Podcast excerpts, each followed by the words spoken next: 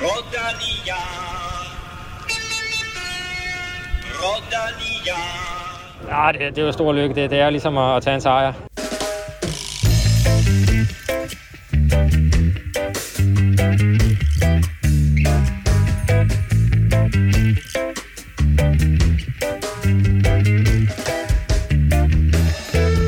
Magnus Kort har fået mæslinger, og det er heldigvis hverken smitsomt eller lige så farligt som corona. Du kan høre meget mere fra en glad dansker lidt senere. Mens enkeltstarten i København blev plaget af regn, så fik vi den sol, vi havde håbet på på anden etape. Der blev en folkefest uden lignende. Hedder det? Hedder det uden lignende? Nej, uden lige. Det hedder uden lige. Der blev en folkefest uden lige. Tak for det. Ganske enkelt et fabelagtigt skue med flere hundredtusind fans, der hæppede rytterne frem. Og dermed velkommen til mit faste hæppe og åbenbart også rette kor, Kim Plesner. Og endelig igen, Ja, halløj. ja, Stefan Djurhus. Vågne fra de døde. You're back from the dead. Nå, Stefan, vi har savnet dig. Nu har du endelig været til Tour de France. Hvordan var det at opleve det? Jamen, øh, det er jo længe siden, jeg har været til Tour de France. Ja, hvad- hvad Øh, betyder jeg har det? Nå, du har været- i- du har været Jeg har været til Tour de France en gang øh, i 2004. Da Da du kørte fra Team CC.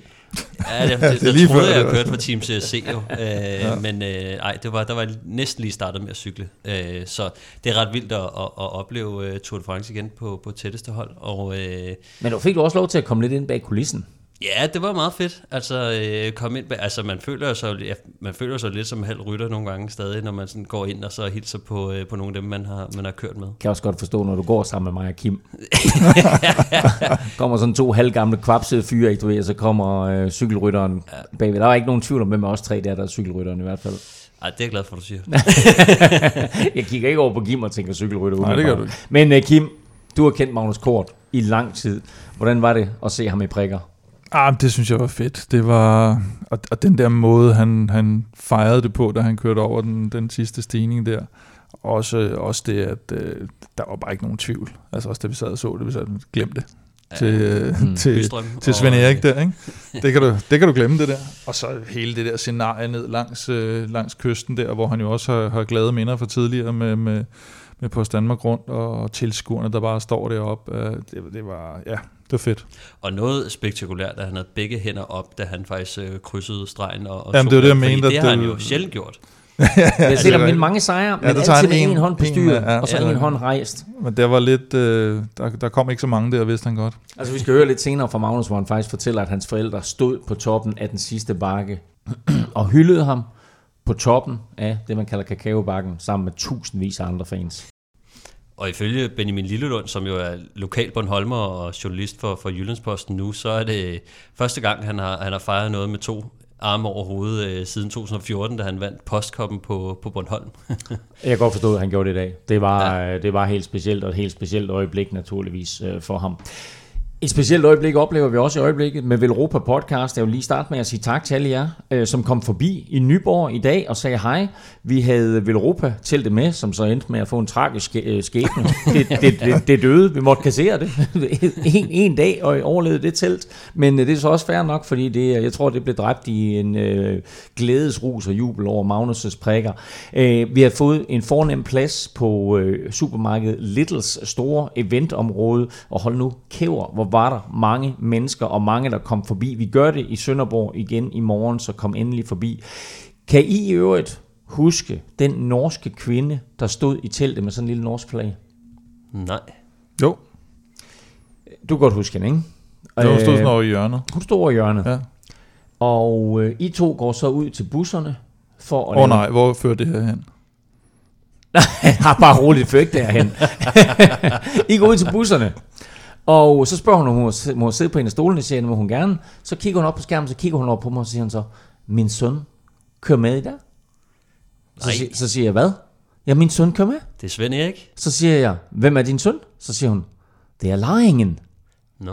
Og hvordan udtalte hun det? Laringen. Tak. Ja. Det har så alle dem, der siger en- længen, og alle dem, der siger Ja, muligt tak, andet, tak, tak. Det her, det var, hvad hedder han, Vegard Starke, Ja. Laringens mor, og hans, hans far var der også. Nå, sjovt. så, øh, så de sagde det, og så var jeg bare sådan lidt, what? Den Og jeg- sad de længe på, og, den og, og, jeg, og jeg information. tog lige et billede af hende og så ja. videre. Øh, han endte jo et femte sidste dag på etappen. Nå, øh, tak også til alle jer, der lytter til podcasten. Hvor er det lidt vildt. Vi ligger nummer 1, vi ligger nummer 1 og nummer 3 i sportskategorien på Apple Podcast med de to seneste episoder. Det er altså helt vildt.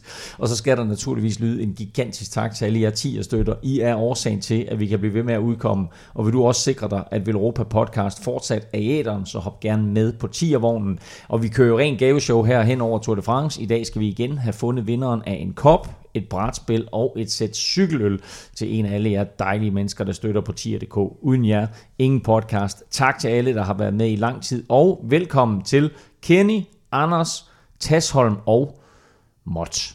MOT. Mm. Og så må du også meget gerne lige hoppe ind og give os nogle stjerner og en anmeldelse i din podcast-app. Det hjælper os altså til at komme ud til endnu flere cykelfans her hen over Tour de France. Mit navn er Claus Elming. Du lytter til Velropa Podcast, præsenteret i samarbejde med Rådet for Sikker Trafik og Odset. Velropa Podcast præsenteres i samarbejde med Odset fra Danske Licensspil. Vi glæder os til sommer og Tour de France på dansk jord, hvor Odset er stolt sponsor af Grand Depart Danmark. Følg med på Odsets hjemmeside eller i appen. Husk, at du skal være minimum 18 år og spille med omtanke. Har du brug for hjælp til spilafhængighed, så kontakt Spillemyndighedens hjælpelinje Stop Spillet eller udluk dig via Rufus – Regler og vilkår gælder. Magnus Kort havde klart ud for morgenen, at han ville i den brækkede bjergetrøje et ambitiøst mål, som han førte ud i livet. Den hurtige Bornholmer stak af fra første fløjt og holdt hele vejen forbi alle tre bjergspurter, eller hvad man nu kalder den slags i Danmark. Han var først over Asnes Indelukke, først over Høve Stræde og også først over Korp Strandvej, som jeg tror du, Stefan og mange andre unge danske cykelryttere kender som Kakaobakken. Og efter hans store hyldest på scenen i Nyborg, der fik vi det her interview, der er lavet i samarbejde med DRTV. Mange tak. Ja, det er fantastisk. Altså, øh, hele, hele oplevelsen, og selvfølgelig igen i morgen, ikke, hvor, hvor jeg så skal ud og, ud og bære dem. Øh, ja, det, det er jo en drøm, der, der går i opfyldelse.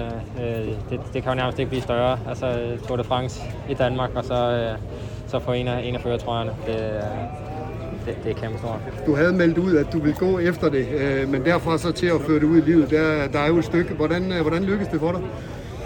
Øh, jamen, øh, det, det, øh, jamen, det lykkedes jo øh, fint og ser måske nemt ud, øh, når man ser det, men øh, så var det ikke. Altså, det, det, var, der var, det var knaldhårdt, og der blev kørt for, for bjergpoengene øh, derude. Øh, så, så, så jeg gravede dybt, men, øh, men det, der er ingen tvivl om, det, det er selvfølgelig det hele.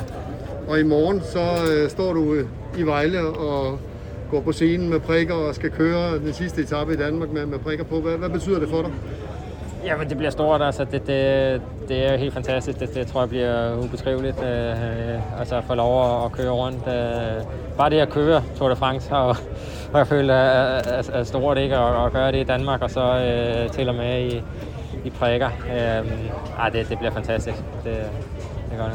Hvor længe kan du holde den? Åh, oh, det tør jeg ikke sige, men øh, i teorien kan jeg jo tage den allerede i, i morgen, øh, desværre. Øh, men øh, ja, det må vi se på. Magnus, du vinder alle tre bakker i dag, inklusiv kakaobakken, hvor du modtog folkets hyldest. Prøv lige at tage os igennem de der sidste få meter. Ja, det var stort, øh, og den, og den sidste, sidste bakke er jo, den sjoveste, bare for at få, få et ekstra point, og så stod min, øh, mine forældre til og med øh, lige efter toppen, og, og kunne se mig, mig rulle ind over. Det, det var fantastisk. Og hvilken følelse gik igennem kroppen på dig, da du vidste, at hey, jeg har faktisk vundet en prikket trøje i dag? Ja, det, det var stor lykke. Det, det er ligesom at, at tage en sejr. Det er der ikke nogen tvivl om. Det, det var målet for, for i dag. Så, så det er, jo, det er jo min sejr. Og så så jeg TV2 Bornholm var der. Altså, kommer der en statue på Bornholm med dig nu? Det må du nok spørge dem om. Godt tillykke med det. Tak. Wow, på lige, uh, altså, tænk på det. Magnus Kort i prikker og mm. i Danmark, og blev naturligvis hyldet. En etape tilbage i Danmark. Hvor vildt bliver det lige for Magnus i morgen, Stefan? Jamen, det bliver jo helt vildt, altså med alle de tilskuere, der står derude, og så, og så, en, og så en prikket trøje øh, på, på Magnus, så, så der bliver ret meget fokus på, på Magnus, og det, det er fedt at have en dansker, der også øh, lige suger lidt ekstra opmærksomhed til sig. Vi kommer tilbage til etapevinderen, vi kommer tilbage til manden i gul, vi kommer tilbage til øh, i det hele taget, hvordan etappen gik. Men jeg tror, at alle de der internationale cykelrytter, de har opdaget, hvor populære de danske cykelrytter er. Vi hørte det i Tivoli, Kim, hvor altså hver eneste gang, der var en dansker, så fik han et jubelbrøl uden lige. Og i dag, foran scenen, eller på scenen, da Magnus han kom op, altså folk de råbte og skreg hans navn, Magnus, Magnus, og jeg stod ude bagved, og jeg kunne se både de internationale journalister, Og de cykelrytter, der stod derude, de var bare sådan lidt, wow. Der er, der er cykelfeber, der er turfeber i Danmark. Jo, og Magnus er i forvejen en rytter, der faktisk er ret populær i udlandet. Øh, med hans sådan lidt, øh, lidt kantet humor og, og overskæg og, og, og alt det der, der, der tror jeg, han har rådet ind i, i mange hjerter, og, øh, og jeg ved også nu sådan generelt med det her med de danske tilskuere, der stod jeg også og lavede noget interview med Mørkøv, vi skal høre senere, som jeg øh, lavede samtidig med, at TV2 også lavede et, hvor han sagde til dem, at, øh, at der simpelthen kom mange rytter øh, fra andre lande over til dem undervejs på etappen, og ligesom mm. sagde, hey, det her det er da bare fuldstændig vanvittigt det her. Jeg kan også love, at øh, jeg har en lidt speciel gæst med, øh, ikke gæst med, men jeg lavede et interview med en fyr lidt senere, som rent faktisk blev lavet mere eller mindre lige der. Øh, Magnus han tog den prikkede bjergetrøje. Super flot lavet af ham. Vild blære Stefan. Og melde det ud, og så fuldføre det. Ja, eller han havde i hvert fald meldt ud, at han, øh, han rigtig gerne ville, men øh, det ville lige komme an på øh, holdet, om, det, om de krævede hans hjælp i forhold til at passe på Rigoberto Urán. Øh, fordi de havde jo haft Bisækker nede, som skulle også have været en, en hjælperytter, så han, øh, han havde pænt spurgt om lov, og, og det fik han så på, øh, på morgendagens... Øh, hvad hedder det, um, altså taktikmøde, eller ja, på, på, morgens, på, på, på morgens uh, taktikmøde. Ja. Måske og, også på morgendagens. Ja, måske ja. også på morgendagens, det, det må vi se. Men, øh, men ja, altså, og det var også, øh, det var også en nem etap at gøre det på. Altså, øh, en, altså komme i udbrud, ja. øh, fordi at øh, der var lagt op til, at det var, øh, det var Storebælt, og det var, der var ikke super mange, øh, der var ikke super mange, der gad afsted for. Nej, det var der ikke. Men, men det, det overraskede mig jo egentlig. Fordi ja. altså, der er en trøje i spil. Mm. Ja, ja. Og, og Magnus kører fra første fløjt, altså i det øjeblik, at den neutrale start er slut, så er Magnus afsted. Mm. Men, øh, noget vi også skal nævne i den forbindelse, var jo B&B Hotels flotte indsats i udbruddet med med to ud af fire mand, og øh, så bliver de sat med det samme. Pierre Roland og Cyril Bart. Ska- skandinavisk duo. Jeg gad godt lige overvære det der sportsdirektørmøde, når vi kom tilbage. og Svend Erik Bystrøm, nordmanden, øh, satte de to øh, Airbnb, øh, det er ikke Airbnb, det hedder B&B Hotels. øh, og, øh, og Magnus og, og Svend Erik der, de, de kørte jo øh, de her tre bakkespurter sammen, eller bjergspurter sammen. Magnus vandt dem alle tre. Øh, og så fik Svend Erik Bystrøm lov til at tage den indbyggede spurt, der var. Der lå Magnus bare mm. ham tage den, og så faldt Magnus også tilbage til feltet, og dermed lå Svend Erik Bystrøm alene ude foran, og så blev han også øh, kåret til øh, øh dagens mest angrebsivrige rytter, så han fik også en hyldest på, på scenen, så på den måde, der delte de på en eller anden måde roven. Mm. Fantastisk, flot dansk dag i dag, altså rødt og hvidt over det hele, og rødt og hvidt på Magnus. Han vandt i dag. Nu skal vi se, hvem af jer to der vinder i dag, når vi skal. Quiz. Og jeg skal lige høre, Stefan, har du hørt podcasten fra i går? Det har jeg. Ved du godt, at du, så har du også hørt, at du fik tildelt et point? Ja, det har jeg. Det ja. kan være, at jeg bare skulle blive væk noget oftere, ja, det så jeg kommer stille og roligt Noget bedre. End, Nå, men dermed så er stillingen faktisk 14-10. Øh, og øh, jeg har altså igen øh, de her quizkort med fra mm. Mathieu Brechels Pro Cycling Quiz-spil. Så nu gør jeg lige sådan her. Jeg begynder at savne lidt øh, en quiz med fejl i også. altså, det, jeg gør det jo kun fordi, hvis der er fejl på det, så har jeg nogen at skylde skylden på jo. Nå, øh, et Tour de France spørgsmål. Ja, nå, det var da... Øh, nej, ved I hvad? Ved I hvad? Nej. Jeg gemmer det der til i morgen, for jeg har uh. et helt andet spørgsmål til jer. Okay.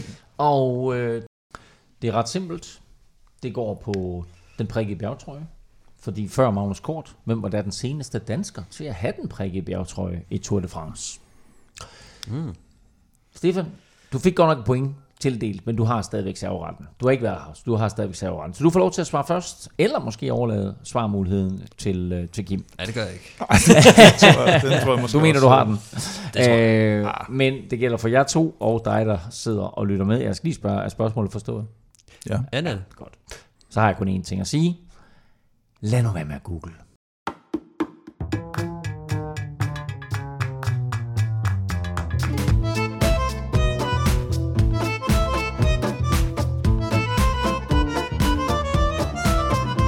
202 km fra Roskilde til Nyborg blev en hyldest af Tour de France og de 176 ryttere. Danske og udenlandske fans i hobetal stod på nakken af hinanden og skabte en kulisse, der ikke er set bedre siden turstarten i Yorkshire. Vinden kom aldrig rigtig sådan til at spille den helt store rolle, og til sidst der endte det hele så i en masse spurt, hvor Mads Pedersen var så tæt på at vinde, men blev snydt på, mål, på målstregen. I stedet kunne Fabio Jacobsen lade sig hylde i Nyborg som vinder af den første reelle etape i Danmark. Ja, det var, øh, det var en vild spurt, synes jeg. Altså, øh, nu fik vi jo ikke sådan den der forventede øh, vanvittige splittelse på, på, på Storebælt, men, øh, men jeg synes, det blev en, en flot spurt, hvor vi så øh, Mads utrolig tæt på at, at, at tage sejren her. Men, men Fabio Jakobsen, han er bare virkelig hurtig, og, og som man så det, Øh, så, så, så lukrede han altså lidt på, øh, på Wout van Aert og, og Mads Pedersen, der, der åbnede lidt tidligt, og, og Fabio, han, han ser jo først fronten med under 50 meter til mål, øh, så, så han, øh, han, han viser sig bare som en rigtig hurtig og, og snu her. Han gjorde det rigtig, rigtig godt, og vi skal jo huske på, at det ikke er ret lang tid siden, at vi frygtede for Fabio Jacobsens liv. Som sportsdirektør på Quickstep, der har Brian Holm været helt tæt på Fabio Jacobsen, fra han styrtede i Polen til han vandt i dag i Nyborg. En sejr i dag vil være noget helt særligt, fortalte Holm inden rytterne kom i mål. Så det, det største for mit vedkommende, hvad der kunne ske i dag, det var, at Fabio Jacobsen han vandt. Uden sammenligning. Det ville være noget det største, eller han bare vinder et i Tour de France. Om det bliver i Danmark, eller hvor det gør, det gør måske ikke i verden. Der er en mand, der var, jeg stod der, jeg så det, han var faktisk død for to år siden nede i Polen. Det er noget af det værste, jeg nogensinde har oplevet. Altså se en mand, der, der ligger, øh, folk besvimer omkring ham. Der kommer en læge fra et andet hold op på værelset, han græder, han græder, han siger, han overlever ikke, han overlever ikke. Og øh, som et måske han kunne overleve, så var han øh, hjerneskadet, og øh, ansigtet var faktisk forsvundet. Der var ikke noget hans, øh, der var ikke noget kæbe tilbage, næsten var væk, alt var forsvundet, og, og heldigvis, hvis man kan sige sådan, så var det det sted i Polen, hvor der var en masse miner, var vant til, at folk øh, sprang i luften og mistede lemmer. Og der kom nogle meget, meget dygtige lærer på rekordtid. Der fik åbnet op det snit i halsen, lagt røret ned, og, og jeg fatter stadig ikke, hvordan de har gjort det, man får til et menneske igen. Og en ting er sådan rent kosmetisk, altså for ham til at ligne en, øh, næsten sig selv igen. Altså han gik rundt uden tænder i meget, meget lang tid. Og, øh, og gjorde det her, altså, så han, han er noget at sige gamle jeg. Men så kan man sige, at efter sådan en ulykke, så sætter sig op en masse spurt igen. Det er jo sindssygt. Så hvis han vinder en etape under Tour de France, så er det noget af det største, jeg nogensinde har oplevet. Efter den lille historie, så hæpper jeg på Fabio Jacobsen nu. Det tror jeg, der er mange, der gør. Det vil jeg håbe. Han har fortjent det. Godt, tak skal du have, Brian. Naturligvis en meget emotionel sejr til Fabio Jacobsen, og øh, jeg har ikke talt med Brian Holm øh, efter, at han er kommet i mål, men jeg er sikker på, at det også betød rigtig, rigtig meget for Brian Holm, at, at Fabio han altså krydsede stregen først i Nyborg. Jeg var inde bag ved det, man kalder mixed zone, og fik altså mulighed for at lave interviews med rytterne, men både Tadej Pogacar og Fabio Jacobsen lavede lige tv-interviewsene, og så gik de. Øh, så de kommer altså ikke ned til os, der hedder Nouveau Media. Altså, vi er, vi er de laveste, det laveste, os der laver podcast. Øh, lad os håbe, at det ændrer sig øh, med tiden. Så vi har desværre ikke et interview med, øh, med, med Fabio Jacobsen. Til gengæld har vi et med Wout van Aert, fordi han fik lige nøjagtigt knæbet sig foran Mads P. Og det viser sig faktisk at blive rigtig vigtigt for det her belgiske unikum, for det betød nemlig, at han overtog den gule førertrøje fra Yves Lampard, og dermed fik den ikoniske trøje for første gang i karrieren. Right, it feels good. I mean, uh, of course I would have liked to win, but uh, if you get this jersey, uh, yeah, no reason to complain. It looked nervous, a lot of crashes. Uh, how did it feel? Of course, it was stressful. I mean, the first road stage of the tour is always something crazy and uh, something where you really need to be in front the whole day. And uh, I have to thank the team to uh, to do a really big job, both for me as for uh, Jonas and Primos. We were always on the first line, and that's why uh, we avoid uh, the carnage. The stage today, a lot of falls, but you managed to get the yellow jersey. Yeah, finally, I would say. I mean, been looking for this jersey for uh, quite a few times already, and uh, I had uh, some disappointments about it. But uh, now today, I, I finally get to wear it. So uh, yeah, I'm, I'm proud uh, and really looking forward to show it off tomorrow. Altså, han får den gule trøje, Wout van Aert, men altså, nu er han blevet nummer to to gange. Er han ikke, er han ikke lidt overvurderet? han, vinder, han vinder jo ikke ret meget. Nej, jeg vil sige, at han er sat med vild. Altså, øh, og, altså man kan sige, han, han er også lidt blevet kendt for de der andenpladser nu, men, men, men fordi han gør det i, i så alsidigt terræn, øh, både spurter og enkeltstarter, og øh, ja, han kan også vinde, øh, vinde, vinde bjerge, øh, bjergetapper, så han, han er godt nok vild, ikke? Men, men han sagde jo også inden, øh, inden starten, da, da vi så med Tivoli, at øh, altså, han, han skød højt, og, og tre etappesejre, det, det ville da ikke gøre noget, men, øh, men, men han er kommet rigtig godt fra start. Og nu har han fået den gule trøje, og med sejren i dag får han faktisk også den grønne, og hvordan var det, Kim? Det var, noget med, det var, det var Jumbos mål for ja, det, var, det var at have den grønne gule, trøje og den gule trøje. Ja, det har jeg, de tror så også, jeg tror, at de håber på at få den grønne trøje i Paris, så må ikke også det er Wout van Aert, der skal stå for det, men, øh, men lad os se, hvordan det går. Nu har han i hvert fald øh, begge de her to trøjer. Øh, jeg tror, jeg kaldte ham unikum øh, inden interviewet her. Det er jo det, han er. Fantastisk cykelrytter. Øh, I det hele taget, så var det her en sindssyg flot etape, og især synes jeg billederne op fra Asnes Indelukke, øh, der hvor de kommer op øh, og drejer til højre, hvor man ser den der bakke, inden de drejer til højre. Altså det mindede mig der stod så mange mennesker, det mindede mig om, om det, man kender som, øh, som Henman Hill i Wimbledon. Det var helt spektakulært syn. Øh, vinden blev, øh, som sagt, aldrig rigtig en faktor. Øh, og det var måske lidt vores skyld, fordi vi var jo på besøg hos øh, TV2-været i Nyborg, og vi talte meget om vinden. Den fik vi jinxet. Ja, den fik vi jinxet. Den fik vi jinxet lidt. Øh, ah, men altså, vi, vi, som vejrudsigterne, de sagde jo, at, øh, at den skulle komme og, lige ind fra, på overbroen. Ja, netop. Mm. Altså, at den skulle komme sådan pænt meget øh, fra syd, hvilket betyder, at den kommer ind fra, fra venstre, når man kører over broen, ikke? Og, øh, og vi havde også godt nok lidt det der med, at den kom også, den var sådan lidt side modvind, øh, men, men den vendte øh, nok lidt i, i løbet af dagen, øh, og, øh, og det betød så bare, at det blev ret meget modvind på, øh, på, mm. på Storebælt, og det, det gør jo bare, at det giver ikke nogen mening at, øh, at, at gøre noget øh, arbejde der, fordi alle de andre nyder godt af det. Og, og samtidig så skal man også huske på, altså øh, når det er sådan noget side modvind, øh, så... Øh, så, så kræver det en ret smal vej, hvis, øh, hvis man skal kunne gøre noget. Men, øh, men på, på Storebælt, som er så brede veje, så, øh, så er der plads til mange vifter lige pludselig, og, øh, og vi så også øh, lynhurtigt, at de fleste de, de trak den altså helt over i venstre, så, øh, så det, det, det ødelagde lidt, øh, lidt planerne med, med, med vindretningen, og, og de endte jo med at køre over Storebælt med hvad, 33 ja, km i timen eller sådan noget. Ikke? Øh, så det blev lidt mere, øh, kan man sige, lige i starten af Storebælt, der var det faktisk lidt panik og lidt positionskamp, hvor man så et par styrt, øh, men, øh, men det endte med at, at blive lidt en fuser øh, hen over broen. Øh, til gengæld så var det meget, meget tæt på at blive den helt store danske jubelscene. Altså Mads P., han var så tæt på. Det var han virkelig. Altså, de formår jo også at køre en, en, en super god finale, og, og, og specielt altså Mads P. og øh, Jasper Støjven, det er bare et, et sindssygt makkerpar, og, og de skal nok få noget ud af det i løbet af, af det her Tour de France. Øh, støj, de får dem kørt øh, frem i, i perfekt position, og, og til trods for, at der er rigtig mange, der gerne vil øh, køre deres sprinter frem, så er det altså Jasper Støjven og Mads P., der sidder der til sidst. Øh, og, øh, og får leveret Mads godt. Han får åbnet en spurt, der er ender med at blive måske en tand for langt. Det er jo det, han godt kan lide, øh, og det er det, han er rigtig god til. Men, øh, men, men med den her med så, så hurtige folk, øh, og når han åbner den med, ja, hvad var der, 240 meter, 230 meter eller sådan noget, det, det er stadig en lidt lang spurt, og det er en høj, det, det er høj fart, fordi du kommer jo lidt ned fra, øh, de har jo lige kørt over motorvejen, mm. så den mhm. går lidt ned mod stregen, hvilket betyder, at de kommer i rigtig høj fart, og, og jo højere fart man er på, jo mere sådan øh, slipstrøm og fart kan man bygge op bag de her sprinter. Så mm. det var det, som, som vi så øh, Fabio Jakobsen gøre, at når man har det antrit, som han har, øh, og man kan ligge lige og pakke sig ind under øh, de, de store drenge, der, øh, der, der, der træder den anden langt udefra, så, så kan man altså godt komme øh, på, de, på de sidste meter. Øh, Wout van Aert var tydeligvis overrasket efter første etape og lidt skuffet over, at han ikke vandt den enkelte start.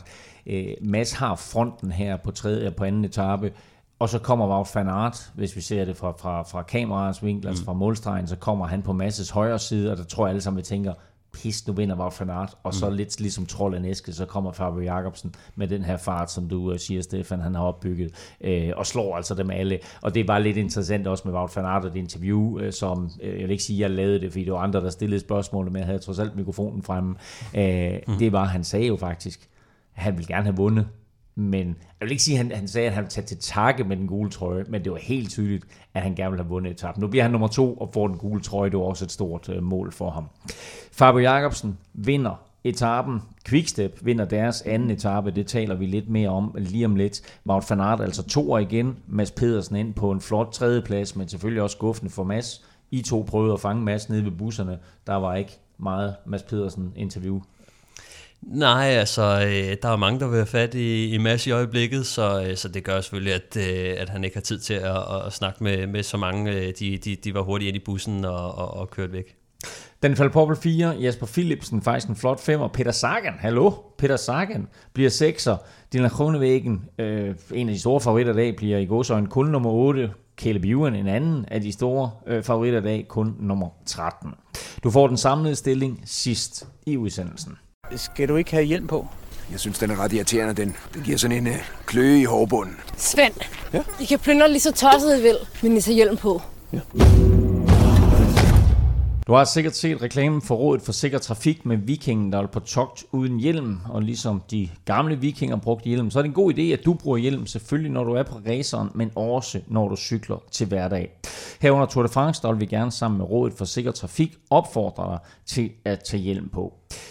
Vi har i dag allerede talt om en Magnus, og nu skal du høre lidt af en mirakelhistorie om, hvordan en lille cykelhjelm reddede en anden Magnus.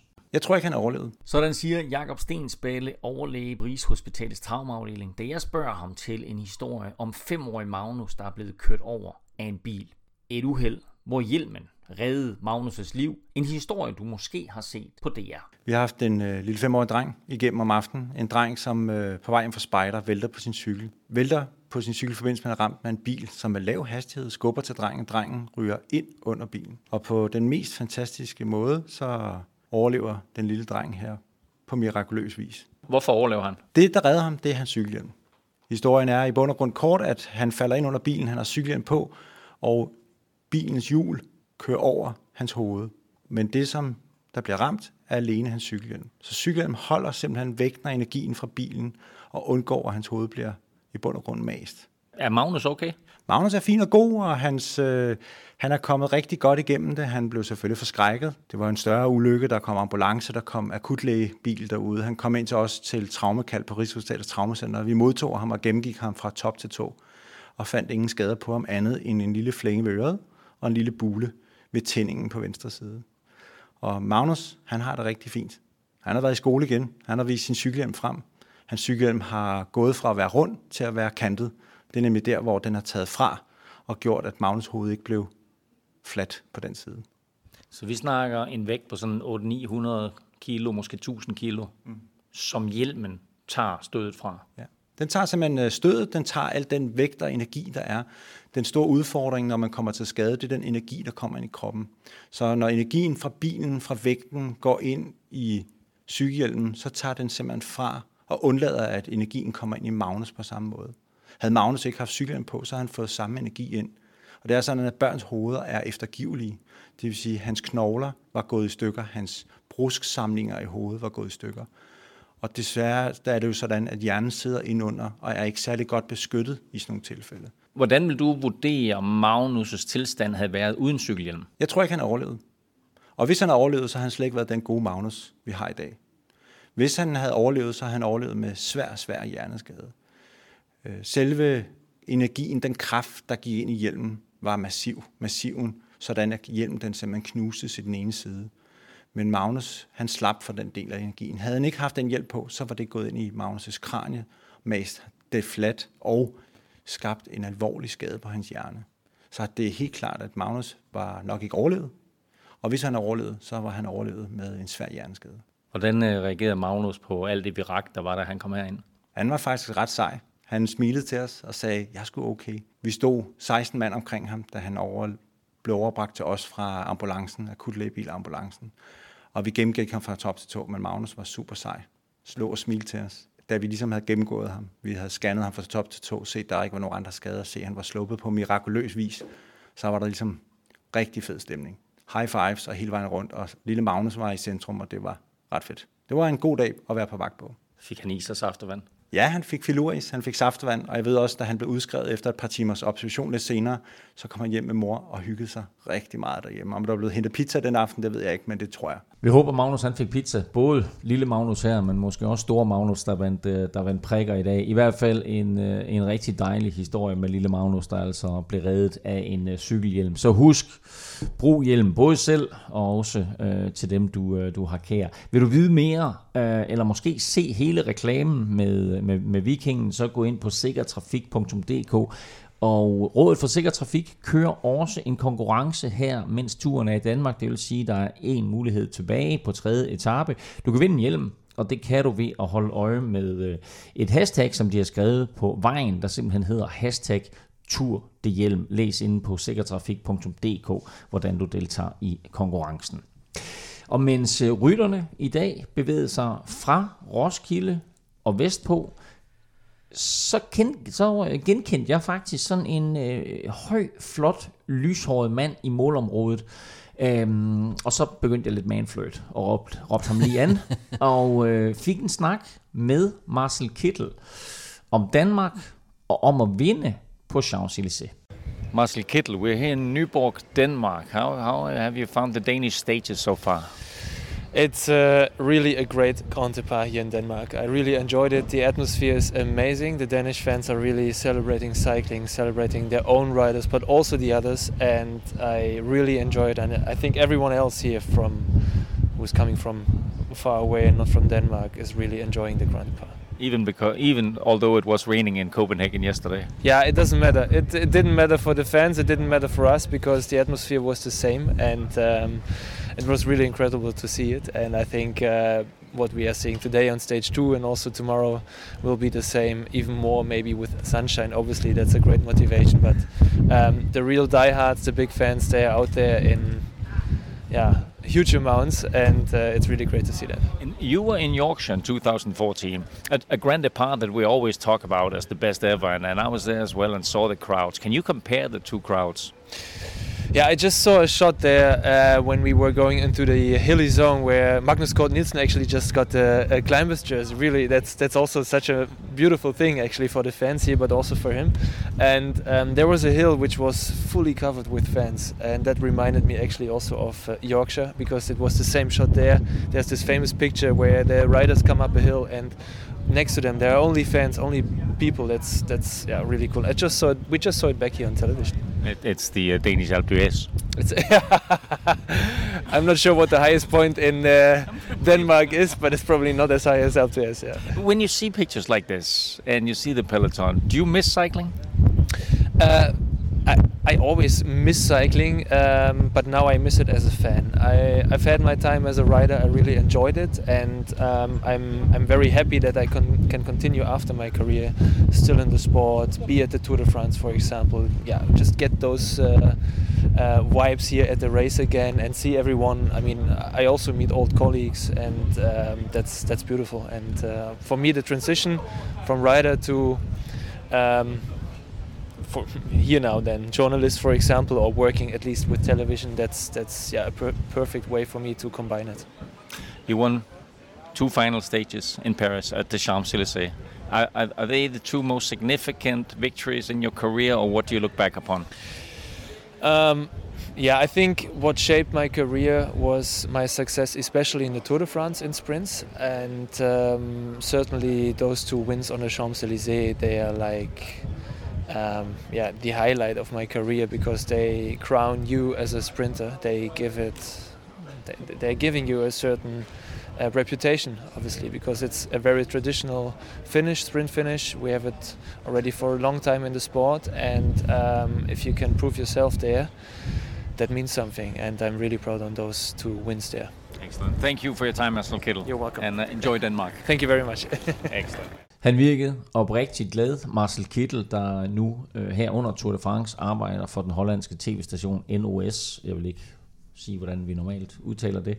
Øh, han bor i Holland, fordi han er hollandsk gift, og han har to børn, øh, og virker rigtig, rigtig glad.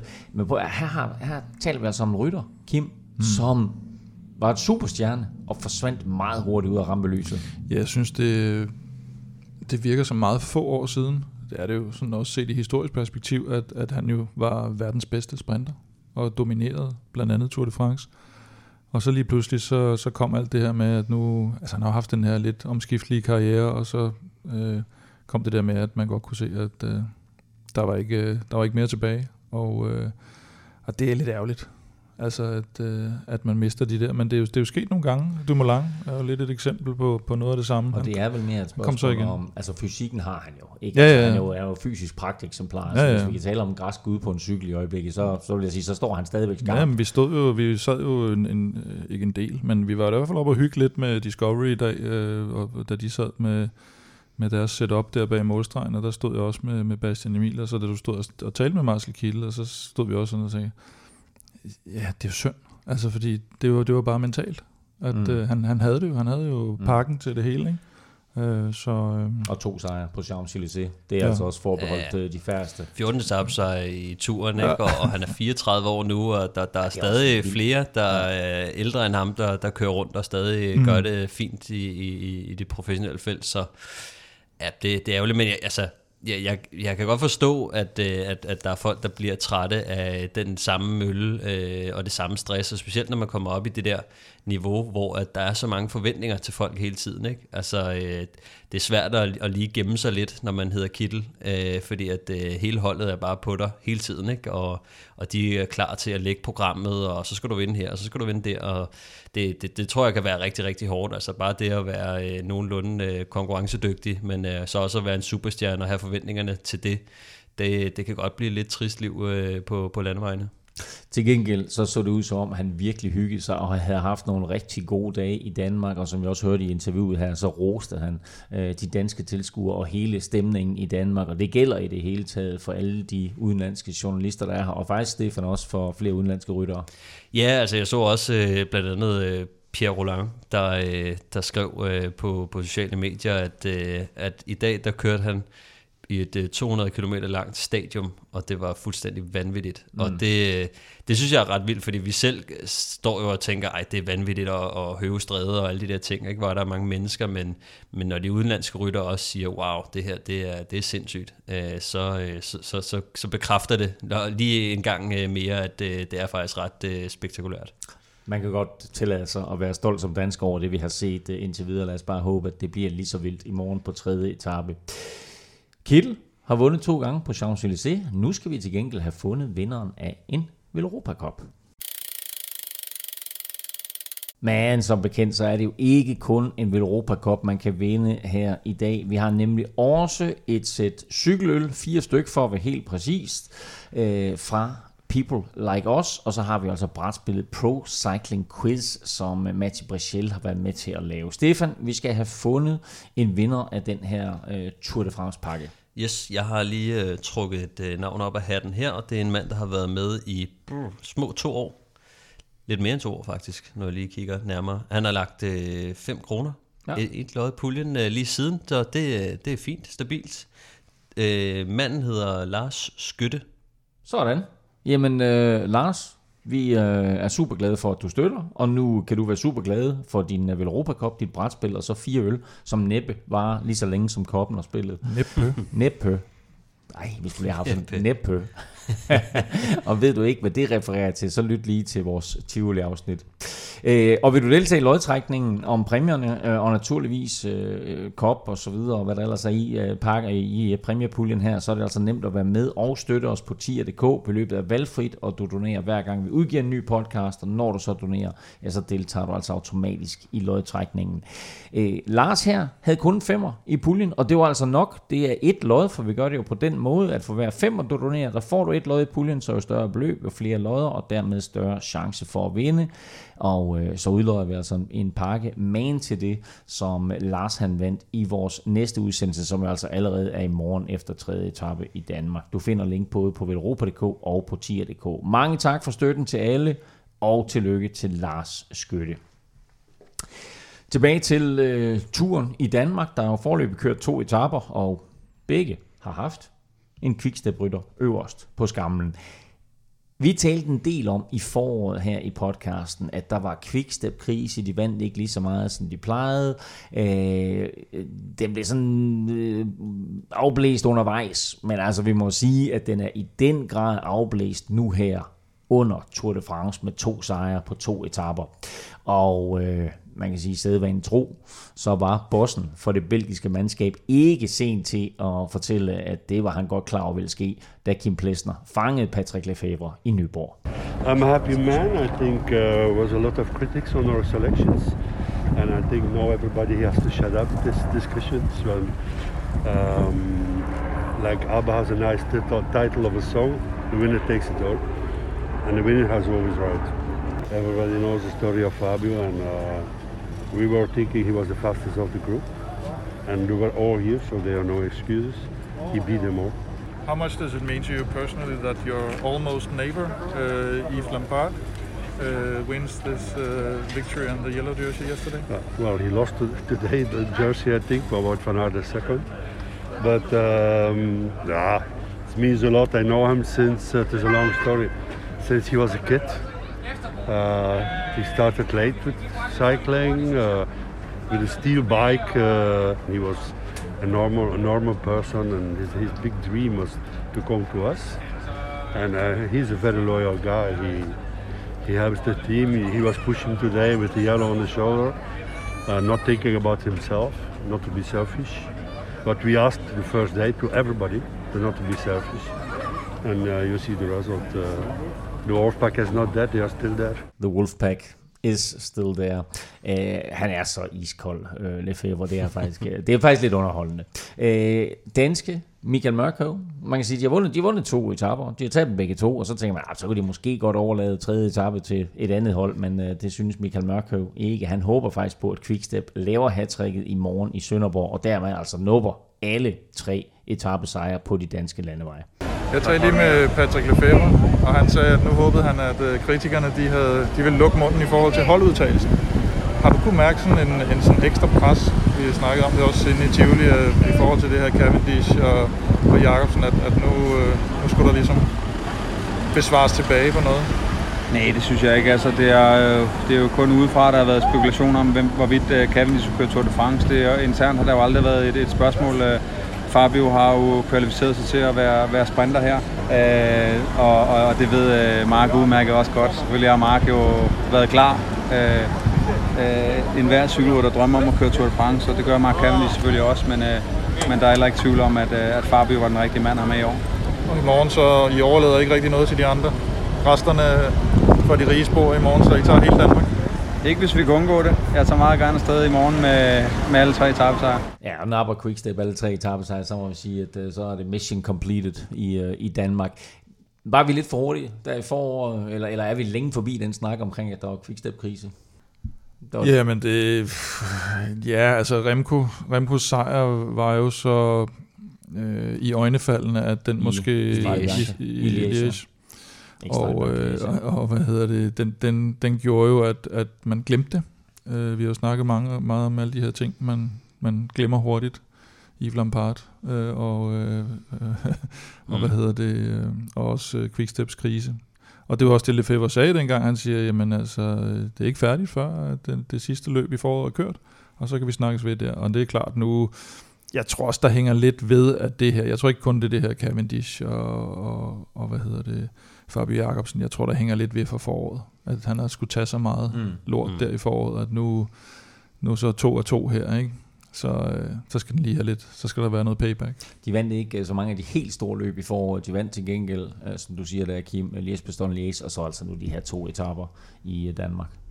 Ja, altså, øh, og jeg tror også, de er lettet over det. Altså, øh, selvfølgelig havde de også øh, selv sat målsætningerne en del højere, øh, og, og efter deres øh, uheld med styrt, og vi kan huske Yves Lampard, der styrtede i, øh, i, i Paris-Roubaix. Ja. Det er helt forfærdeligt, selvom han var på vej ind til en, til en podieplads. Så, mm.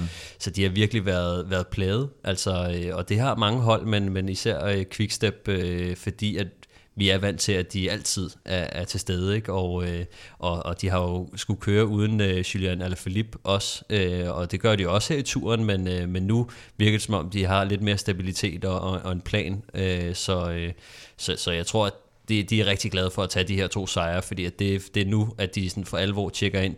De reddede deres forår med, med Liège Bastogne Liège, og, og så her på det sidste, øh, Remco han vandt jo øh, hvad hedder det, øh, Tour of Norway, og øh, de vandt også, øh, hvad hedder det, øh, Schmidt, han vandt øh, Belgien rundt, som jo også er en, en stor ting for dem, og så, så de, er, de er kommet rigtig op i, i kadence nu. Og faktisk med hensyn til Julian Alaphilippe og et par stykker andre, som de valgte fra, det var åbenbart øh, et meget stort samtaleemne også i den franske presse, ligesom den engelske presse mm. øh, gerne ville have haft Mark Cavendish med til Tour de France. Øh, men i det interview, jeg lavede med, med, med Brian Holm tidligere, der talte jeg også med ham omkring det her, og han sagde også, at altså prøv at høre, det var også vigtigt. Altså på en eller anden måde bare sende et signal til de der medier om, hey, vi har valgt det rigtige hold, og nu står de altså i Danmark med to etappesejre på to etapper. Og det er jo, altså uanset hvem man nærmest tager med, så, så vil der være noget, fordi da de så ikke tog, øh, tog Alaphilippe med, så var, så var der også øh, bøvl med, at øh, Senechal, der så var blevet fransk mester, han var også sådan en lille smule ude med mm. riven om, at, hvorfor han så ikke var kommet med, og så kom han så alligevel med på grund af noget corona, og altså med så stærkt et hold som Quickstep, så vil der jo altid være en 3-4-5 rytter, der nok, der nok mener, mm. de skulle have været med til Tour de France. Jeg tror også, altså, øh, man, man bliver nødt til at kigge på, hvad, hvad, hvad kan rytterne præstere? Altså, fordi de skal kunne præstere fra start af, ikke? Altså, øh, det er selv sådan noget som, øh, som at tage Askren med øh, helt forslået. Der, det, det er lige før, jeg, altså, det er kun fordi, at han er så vældig på holdet øh, og, og han stadig har formen øh, ved lige. Ikke? Altså, han er lidt forslået, det, det regner de med, med, at han kan komme over, men, men det er bare vigtigt, at, at, at formen er der, og, og, og man har vist øh, et, et højt niveau op til, til Tour de France, ellers så, så dur det simpelthen ikke, og det, det, det skal jo være det, der, der, der spiller ind, ikke? fordi holdet de kører for resultaterne, og øh,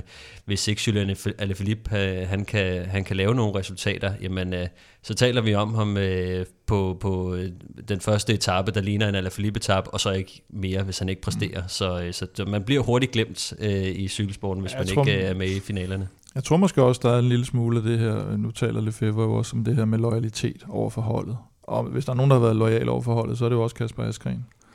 Og jeg tror lidt, at måske der, der er jo inde bag det der hårde, det der hårde Patrick Lefebvre skjold, der, der banker der jo også lidt, uh, lidt blødt hjerte en gang imellem, og jeg tror altså det der med at vil, det vil trods alt ikke lige fratage ham den der danske turstart, tror jeg, med det han har gjort for deres hold, vundet Flandern, mm. og for sig selv i starten af, af karrieren øh, på holdet som, som hjælperytter. øh, Øh, der, der tror jeg alligevel, at han har fået uh, the benefit of the doubt. Men jeg vil også sige, det er faktisk en, en interessant pointe, som, som jeg også har hørt uh, flere steder fra, altså det er, at øh, Quickstep er sådan et type hold, at, at hvis, du, hvis du styrter altså, øh, og, og slår dig rigtig, rigtig slemt, og du er i et kontraktår for eksempel, altså sådan, der er de altså mand nok for at forlænge kontrakten. Altså øh, der er de ikke sådan nogen, der, der kaster deres rytter ud på den der måde, så, så, så selv Quickstep-holdet, de viser sig også ekstremt lojale over for rytterne, hvis, øh, hvis de kan mærke, at loyaliteten også er der. Ikke? Men de er ikke sådan nogle rytter, der, der bare smider deres øh, rytter på porten, øh, når, når, de ikke kan, når, de, når det ligner, at de ikke sådan rigtig skal bruge dem længere. Der, øh,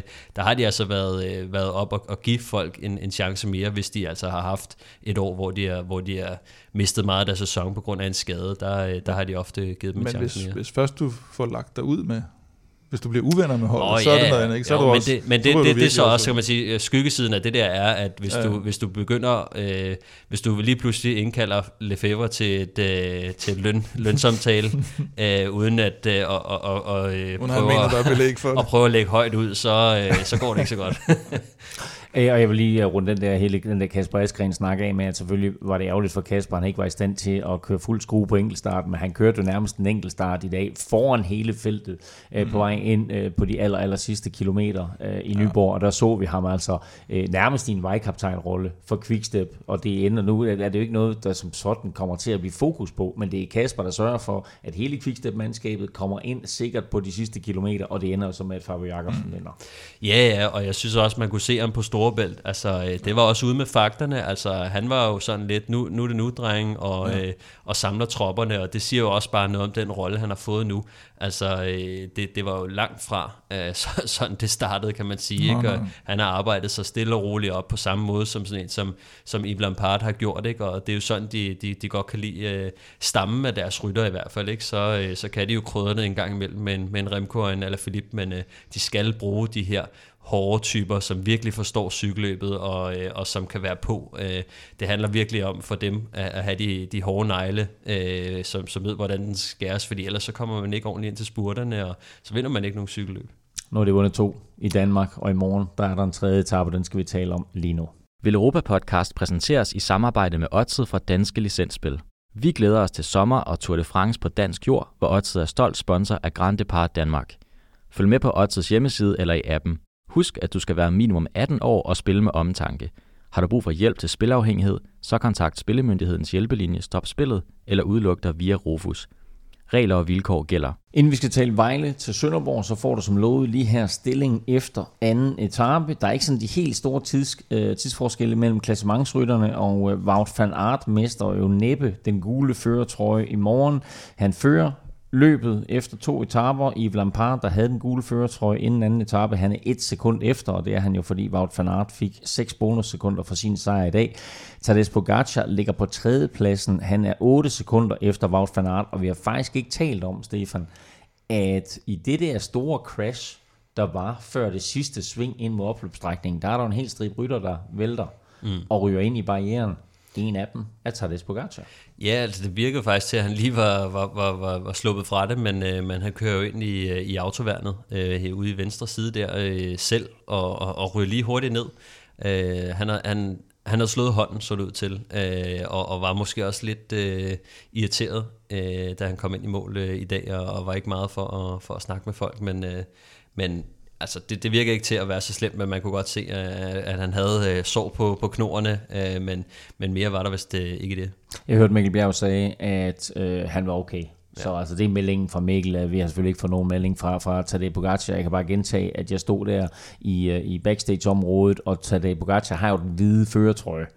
Han besvarede øh, to-tre tv-stationers spørgsmål, og så gik han ellers ud igen, og så kom der faktisk en, en official fra øh, ASO og undskyld til alle os andre, og sagde, at han ønskede ikke at, at tale med flere, og vi var bare sådan lidt, kan vi, ikke, kan vi ikke gruppere os, kan vi ikke være nogen, der får lov til at stille spørgsmål sammen? Nej, det er slut, han kommer ikke tilbage. Så det var, det var hurtigt ind ud for, for Pogacar i dag. Mads Pedersen er bedste dansker, han er 12 sekunder efter, Mathieu van der Poel er 14 sekunder efter, Vingegaard har altså kørt to gode etaper. Han er 16 sekunder efter, og vil at mærke et sekund foran sin øh, holdkammerat øh, Primus Roglic. Øh, vi spillede jingle lige før for Odset, og det er, gjorde vi selvfølgelig, fordi Odset for Danske Spil er med som partner her under turen på Vel Europa Podcast, og du kan naturligvis finde de klassiske Velropa Specials på Odset.dk, Stefans Staltip, Plesners Podie og Velropas vinder. Og gennem hele Tour de France, der kan du også spille gratis med i Odset-quizzen og vinde øh, løbets førertrøjer. Øh, og i dag kan du faktisk vinde Magnus' prikket, altså ikke lige Magnus' men en man til Magnus' prikket trøje i hvert fald. Normalt får du fem udsagn, men her under turen, der skal du ganske enkelt svare på øh, et spørgsmål, nemlig hvem vinder etappen, og det vil sige i morgen, der skal du svare på, hvem vinder tredje etape. Øh, og som sagt, vinderen, gætter du rigtigt, øh, og er der flere, så trækker vi lod blandt de rigtige, men altså gætter du rigtigt, så er du i hvert fald med i konkurrencen om en prikket bjergtrøje, præcis med til den Magnus Kort, han trak ned over hovedet i dag. Spørgsmålet i dag var naturligvis, hvem vinder anden etape, og der var rigtig, rigtig mange, der skrev Fabio Jacobsen, og vi har trukket en vinder, og stort tillykke til Peter Frost. Der er kun tre krav for at være med. Du skal være 18, du skal bo i Danmark, og så skal du altså have en blå konto hos Odset for at kunne modtage din præmie. Odds-quizzen finder du som altid på facebook.com Europa, så gå ind og tjek den ud. Du skal, øh, have, øh, du skal have givet dit svar, inden etappen går i gang, altså tredje etape går i gang. Og den her tredje etape, lad os kigge lidt nærmere på den, for det er jo den sidste i Danmark. 182 km fra Vejle til Sønderborg. Og jeg tænker lidt, Stefan, af de tre etaper, der var i Danmark, der er det den her, der på forhånd var udråbt som sprinteretappen kan der overhovedet ske noget? Nej, altså jeg har virkelig let og let øh, efter øh, en, en, nogle sjove vinkler, men øh, vinden står øh, forkert. Øh, den kommer ind fra, øh, fra, fra Vestdag, og de kommer ud til ved Åben Rå, der øh, kommer de ud ved, ved, ved havnen der, hvor øh, der kunne, hvis den kom ind fra øst, så havde der været sidevind. Det kommer der nok ikke. Øh, jeg havde også nærstuderet lidt øh, ruten ind omkring Sønderborg, og, og har selv kørt nogle cykelløb dernede i området, og jeg ved, der er nogle tricky veje, men... Øh, men dem kører de ikke på. Så øh, de, de tager hvad, nogle... Hvad var lidt tidligere på etappen deroppe omkring Kolding? Ja, altså, det, nej, det tror jeg ikke. Øh, altså, det, Kolding er et, øh, også et ret smukt øh, område, og ikke så øh, snørklet og, og, og svært, som, øh, som man kender det fra måske Vejle. Øh, så, så, så hvad jeg ved af, at de var, jeg kender op øh, i, i Kolding, så, så er der ikke rigtig noget øh, problematisk der. Der er til gengæld en, en lidt interessant historie, set med danske øjne, og det er, at Magnus nappede alle tre øh, bjergspurter i dag. Det vil sige, at der var kun tre point at køre om. Han tog dem alle tre. Han fører mm. 3-0. Øh, altså, han har tre. Alle, alle, jamen, han fører 3-0. Han har tre, alle andre har 0. 3-0 til kort. Ja, 3-0 til kort. Øh, der er tre igen i morgen. Mm. Og øh, han skal vinde mindst en for at holde føretrøjen. Nej, det er faktisk ikke, teknisk set ikke helt rigtigt. Nej, det er ikke teknisk set helt rigtigt. Men altså, hvis der ikke er, hvis der ikke er en anden, der tager alle tre. Yes. Er, er, vi, er vi enige nu? Ja. Godt, tak. Hvis der ikke er en anden, der tager alle tre, så, øh, så har han føretrøjen, eller den, den prikkede trøje, ud af Danmark. Men der er en lille anden sjov ting, og det er, at hvis Magnus nu napper alle tre, så er der hviledag mandag, mm. så er der 5 point at køre om tirsdag. Det vil sige, hvis Magnus har 6, så kan han ikke indhentes tirsdag, og der er ingen at køre om på 5. etape, så han har mindst den prikkede bjergtrøje til og med 5. etape. Men der er også sådan en lille arbejderbej på grund af noget tidstab i dag.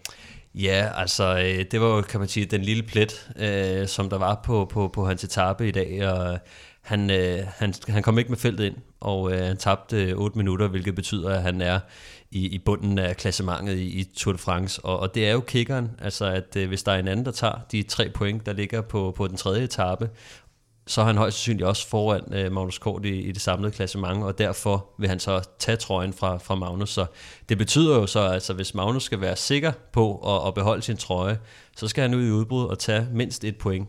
Øh, så er han i hvert fald Ej, sikker. det er teknisk helt oh, det er korrekt. Det faktisk, det er det faktisk.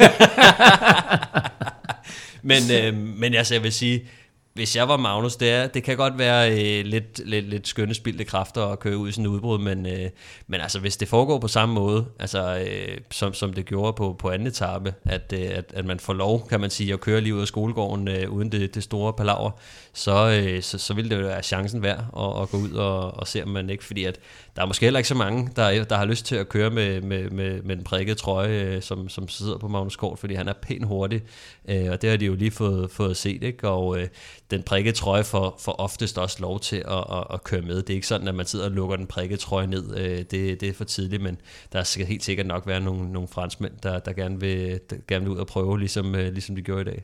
Du siger det selv, han kørte nærmest direkte ud af skolegården. Jeg tror, vi får præcis det samme at se i morgen. Altså så snart neutralt start er overstået. Bum. Ja, altså det er også med mindre, at nu, nu havde han jo fået frihed til at gå ud og, og, og kæmpe for, for, den, for den prikkede trøje, men øh, de blev jo lidt skræmte, da, da Rigoberto Urán, han, øh, han var med i det her styrt, øh, og de skulle kæmpe for at få ham tilbage, og, og gjorde det jo lige akkurat mm. øh, i tide, ikke? men de har jo forhåbninger i forhold til klassementet, og, og det er jo sådan lidt, han, han skal jo lidt spørge om lov ikke? Øh, i forhold til, må jeg bruge øh, nogle kræfter på det her, fordi der kommer nogle etaper senere hen i Tour de France, hvor han også skal være klar til at tage en etapesejr, Øhm, så, så spørgsmålet er, hvor meget skal man egentlig kæmpe for at bevare den der trøje en, Men en par der, dage der er en hviledag på mandag. Det er rigtigt, det er rigtigt. Altså, jeg, jeg, jeg, jeg, jeg håber, han, øh, han, han prøver den af på, på samme måde. Det, det ville være fedt, hvis han lige kunne holde lidt længere. Vi havde håbet på, at, at Mads, han selvfølgelig, Mads P. selvfølgelig, øh, måske endda havde en gul førertrøje, altså nu må vi gå så en nøjes med, med Magnus Korts prikkede trøje, hvilket er super, super fedt, at, at han har den, og håber selvfølgelig også, at han får lov til at beholde den ud af Danmark. Men Mads har jo kørt Altså to virkelig, virkelig gode etaper. Han bliver sekser på den der svære enkeltstart, og han får en tredje plads i dag, altså hvor han jo slår det, vi betragter som mange af fællets hurtigste rytter. Der sidder masser og bliver nummer tre efter, øh, efter Fabio Jacobsen og, og Wout van Aert. Øh, men han er 12 sekunder efter nu. Er drømmen om den gule trøje, er den væk nu, eller kan han stadigvæk nå det? Altså jeg vil sige, det, det ser svært ud lige her på de næste par dage, øh, fordi det er Wout van Aert, der har trøjen, så det betyder jo, at, øh, at Mads øh, på de næste to etaper, øh, der skal han jo op og have kan man sige, mindst øh, to andenpladser, eller en, en sejr og en tredjeplads, øh, eller sådan noget. Ikke? Øh, så, ja, uden at van Aert. Uden at van Aert øh, gør det, ikke? Så, øh, så, så den, den ser faktisk ret svær ud. Til gengæld, så, øh, så tror jeg, at øh, hvis, øh, hvis han holder sig ind i kampen til, til Arnberg-etappen, så øh, der har jeg lidt en formodning om, at Jumbo Visma godt kunne tænke sig at, at bruge Wout van Aert som en hjælperytter. Og, øh, og, ah, og, og, altså for at holde Vingegaard og Roglic uh, ja, safe. De, de har jo sagt, at han, kan, han har mere eller mindre frie tøjler til at gå efter den grønne trøje. Til gengæld så tror jeg, at at øh, han bliver så vigtig en, en, en rytter, at jeg tror, de har booket ham lige netop til den etape mm, for at sige, mm. kan vi ikke lige bruge dig til at guide vores øh, to kaptajner øh, ordentligt igennem, fordi at der findes ikke nogen bedre mand end ham til at, til at guide folk rundt. Øh, så, øh, så jeg, jeg tror lige, de har booket ham øh, netop på, øh, på, på den etape, og det kan måske være en mulighed for, for Mads Pedersen, hvis han stadig hænger i øh, og er tæt på, øh, at, at han kan gå op og, og, og nappe nogle bonuskunder på den etape. Jeg er helt sikker på, at, at, at Mads også har tænkt næste uge med ind i forløbet, men først og fremmest for ham, så drejer det sig om Sønderborg-etappen mm. i morgen, og øh, han kan selvfølgelig igen øh, blande sig i spurten, men øh, det bliver jo med stor sandsynlighed, som vi sagde, en, en masse spurt, og det er klart, at sådan nogen som Fabio Jacobsen og Dylan Rønevæggen og Caleb Ewan og Wout van Aert selvfølgelig er de store favoritter, men altså, øh, kan du, kan du se Mads vinde den der etape i morgen? Det kan jeg faktisk godt. Altså, øh, det er ikke en, øh, en super øh, svær finale, øh, men der kommer et sving øh, forholdsvis tæt på mål, hvor at øh, de skal bruge øh, en stærk holdindsats, og, og Jasper Støjven skal, skal sidde der øh, lige foran, foran Mads, og så, øh, så skal han bare prøve. Altså lige nu så ser det jo så ud, som om der er modvind i spurten igen, hvilket jeg tror er lidt... Øh, til, til nogle af de hurtigere sprinters øh, fordel. Øh, så nogen som Caleb Ewan og, og Fabio Jacobsen, som, som virkelig har et, øh, et, et lidt stærkere antrit end, øh, end Wout van Aert og, og Mads Pedersen, som er mere de her powerspurter. Øh, så så det, den kan blive svær, men selvfølgelig, altså han bliver træer på den her etape, og øh, han er i vildt god form og, og på hjemmebane, så jeg, jeg tror virkelig, at der er en, øh, en, en chance for Mads Pedersen i morgen. Vi håber på det bedste. Altså sidste etape i Danmark i morgen med start i Vejle og mål i Sønderborg. Vi nærmer os også mål i quizzen, eller fald for i aften. Uh, og jeg kan lige sige, at klokken er lige nu 01.21, så jeg håber virkelig, I sætter pris på, at den her podcast ligger til jer, når I står op uh, søndag morgen. Vi, uh, jeg stillede et ret simpelt spørgsmål, uh, i hvert fald ifølge jer. Uh, hvem er øh, før Magnus Kort, den seneste dansker, der har haft den prikkede bjergtrøje, og Stefan, du har serveretten. Ja, jeg, jeg vil gerne svare. Så. Ja. ja. Må jeg svare? Du må gerne svare. Det er øh, Michael Mørkøv. Hvad siger Kim? Jeg siger Michael Mørkøv. Jamen, I har begge to ret, men øh, i og med, at uh, Stefan han har serveretten, så, uh, så går pointet til Stefan. Det er åbenbart et meget, meget nemt spørgsmål, men jeg synes lige, vi skulle have det med i dag. Ved hvem der var den seneste uh, før Michael Mørkøv? Det må have været Kyllingen eller noget. Havde Chris Anker den på et tidspunkt? Nej, det mener jeg ikke. Jeg, var jeg, jeg, kun i jeg, jeg, jeg, jeg er ret sikker på, at det var Michael Rasmussen. Så endnu et point til Stefan. Nej, du får et enkelt point, og dermed Stefan op på 11, Kim 14, og øh, Stefan nu på 11 point. Så øh, både, Sådan. in, både in absentia, og når du er her, kan du altså... Når turen er færdig, så, øh, så har jeg Måske. føringen. Nu er, det, vær- nu er der i hvert fald øh, reduceret lidt yderligere her. 3 points føring til Kim 14-11. Vi er tilbage allerede i morgen med en analyse af tredje etape. Vi er med øh, hele vejen. Øh, vi starter i Vejle og slutter i Sønderborg og giver dig en podcast øh, øh, ja, så hurtigt som muligt vi kan efter Sønderborg-etappen. Som sagt, så er klokken altså snart halv to her. Husk, at vi jo også har lavet den her traditionelle turrute gennemgang med nørdet Kasper Ankagård. Det er en god lille podcast at lytte til inden hver etape, altså spole frem til det afsnit, der handler om dagens etape, og lyt til den, fordi Kasper giver dig altså en rigtig, rigtig god intro øh, til dagens etape, så lyt til den løbende her under Tour de France. Husk, at hvis du vil vinde Europa Cup og af nogle af de mange andre fede præmier, vi har her under Tour de France, så hop ind og støt os på øh, tier.dk. Indtil vi høres ved igen, jamen så kan du følge Kim og Velropa på Twitter og Instagram, på Snablag Velropa Facebook for en sags skyld. Stefan finder du på Snablag Stefan Djurhus, undertegnet finder du på Twitter, Insta og Facebook på Snablag NFLving. Tak for nu, tak fordi du lyttede med, tak til alle vores støtter på tier.dk. Uden jer, ingen Velropa podcast, og naturligvis tak til vores partnere, Rådet for Sikker Trafik og Odset. Støt dem, de støtter os, og husk lige den der ekstra konkurrence, som Rådet for Sikker Trafik kører, hvor du altså kan øh, vinde en øh, hjelm. Du finder konkurrencen på sikkertrafik.dk. Og dermed har vi ikke mere at sige, end øh, at øh, vi har været til Tour de France i Nyborg. Det var en fantastisk oplevelse for anden etape, og lad os bare håbe, at tredje etape bliver lige så spektakulær. Vi har ventet på det her i tre år, og i morgen de her så er turen faktisk ude af Danmark. Men indtil da, der har vi altså lige 182 km at nyde fra Vejle til Sønderborg. Allé, allé.